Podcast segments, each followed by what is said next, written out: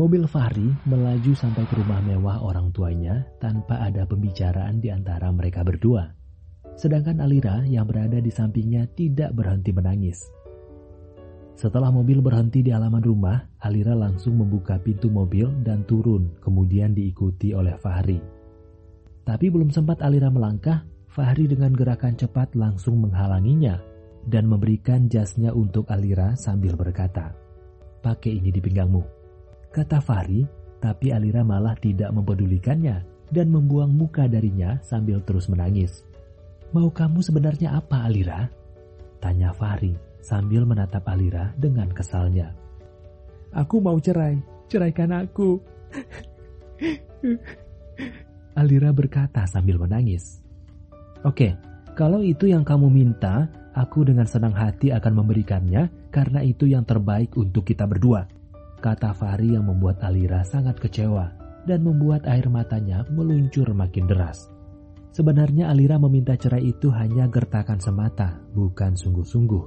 Tapi ternyata Fahri menerima itu dengan senang hati. Biarpun menahan amarah yang mau meledak karena mendengar kata cerai dari Alira tadi, tapi Fahri tetap berusaha untuk menahan dirinya.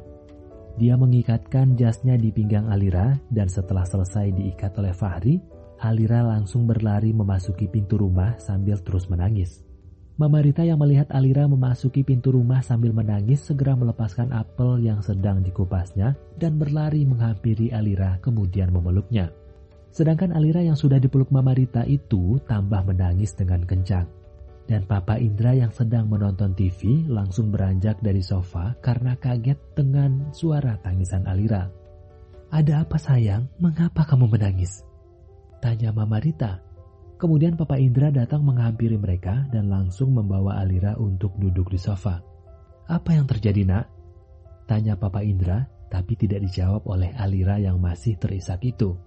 Karena Alira belum menjawab, akhirnya Mama Rita melepaskan pelukan Alira dan menatap Alira dari kepala sampai kaki. Dan betapa kagetnya Mama Rita di saat melihat keadaan Alira. Karena baju yang Alira pakai sedikit terbuka di bagian dada. Dan saat itu, Papa Indra sedang pergi ke dapur mengambilkan air untuk Alira karena diminta oleh Mama Rita. Kemudian dengan perlahan, Mama Rita membuka sedikit jas yang ada di pinggang Alira. Dan dia langsung menutup mulutnya dengan kedua tangannya saking kagetnya melihat rok Alira yang hampir putus itu. Siapa yang melakukan ini? Tanya Mama Rita, tapi Alira hanya menangis tanpa menjawab pertanyaan mertuanya itu. Apa Fahri yang melakukannya? Tanya Mama Rita lagi. Lakuin apa, Ma? Tanya Papa Indra yang baru muncul dari dapur dengan segelas air putih di tangannya. Pa, lihat apa yang dilakukan Fahri terhadap istrinya, Pa. Kata Mama Rita sambil memperlihatkan keadaan Alira. Dasar anak brengsek, kata Papa Indra begitu geramnya.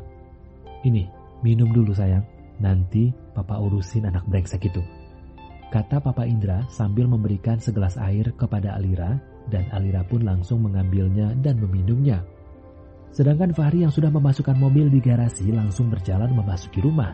Tapi tiba-tiba langkahnya tertahan di saat dia melihat Alira yang masih menangis dan dikelilingi oleh papa dan mamanya yang sudah menatapnya dengan penuh kemarahan.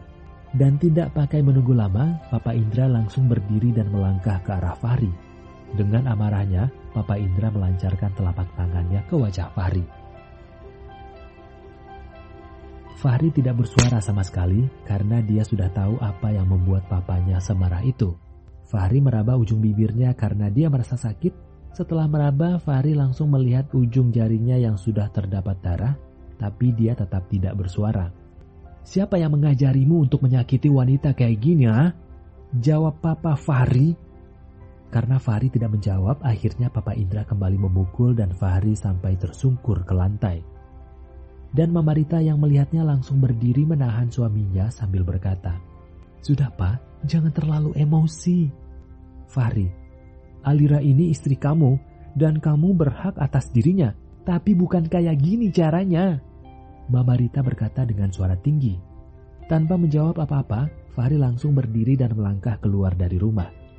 Anak brengsek, teriak Papa Indra Fahri tidak peduli, dia berjalan ke garasi dan mengambil motor besarnya yang berwarna merah dan langsung pergi. Dan Mama Rita yang merasa kasihan melihat keadaan menantunya itu langsung mengangkatnya dan membawanya ke kamar. Sudah, jangan menangis lagi sayang, kata Mama Rita setelah berada di dalam kamar Fahri dan Alira. Sekarang kamu mandi ya, tambah Mama Rita dan Alira yang masih terisak itu hanya mengangguk. Setelah Mama Rita pergi, Alira yang sudah mulai berhenti menangis itu langsung melangkah masuk ke kamar mandi dan melepaskan pakaiannya sambil menghadap cermin besar yang ada di dalam kamar mandi itu. Dan seketika dia kembali menangis lagi di saat melihat keadaannya di cermin, ditambah lagi dengan rasa nyeri di dadanya. Kemudian dengan terisak dia melangkah masuk ke bathtub dan langsung merendamkan dirinya. Mungkin karena kelelahan akhirnya dia tertidur di dalam bathtub yang terisi air hangat itu. Alira tertidur seperti orang pingsan di dalam bathtub selama beberapa jam dan kemudian dia terbangun karena ada suara Biina yang memanggil-manggil namanya sambil mengetok-ngetok pintu. Dengan tergesa-gesa Alira langsung keluar dari bathtub dan segera mengambil baju mandinya dan memakainya. Iya Bi, sebentar. Jawab Alira setelah memakai baju mandi, Alira membuka pintunya dan dia melihat Biina sedang berdiri di depan pintu sambil menatapnya kemudian berkata, Non, ibu menyuruh saya untuk memanggil Non buat makan malam. Hah? Makan malam? Alira bertanya dalam hatinya dengan tampang kagetnya karena dia baru sadar kalau dia tertidur di kamar mandi sejak tadi. Bibi duluan saja, nanti aku nyusul, kata Alira dengan tampang yang masih bingung.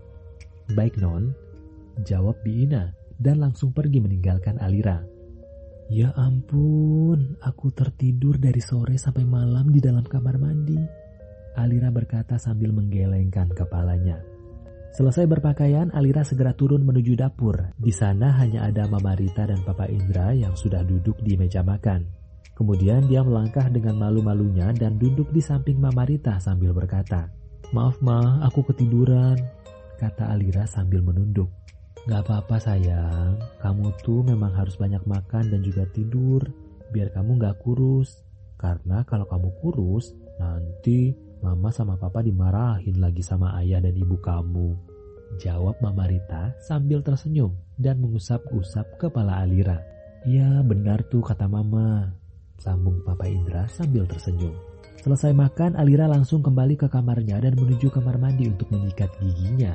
Dan setelah itu dia memilih untuk naik dan duduk di atas tempat tidur.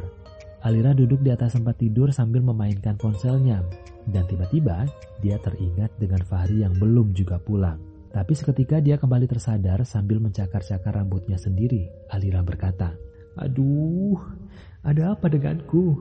Kenapa aku jadi mikirin laki-laki brengsek itu? Gerutu Alira pada dirinya sendiri. Dan tiba-tiba Alira dikagetkan dengan ketukan pintu dari Mama Rita. Karena pintunya tidak dikunci, akhirnya Mama Rita langsung membuka pintunya dan melangkah masuk mendekati Alira sambil berkata, Sayang, Mama ganggu kamu gak? Tanya Mama Rita. Enggak kok Ma, jawab Alira sambil menatap Mama Rita.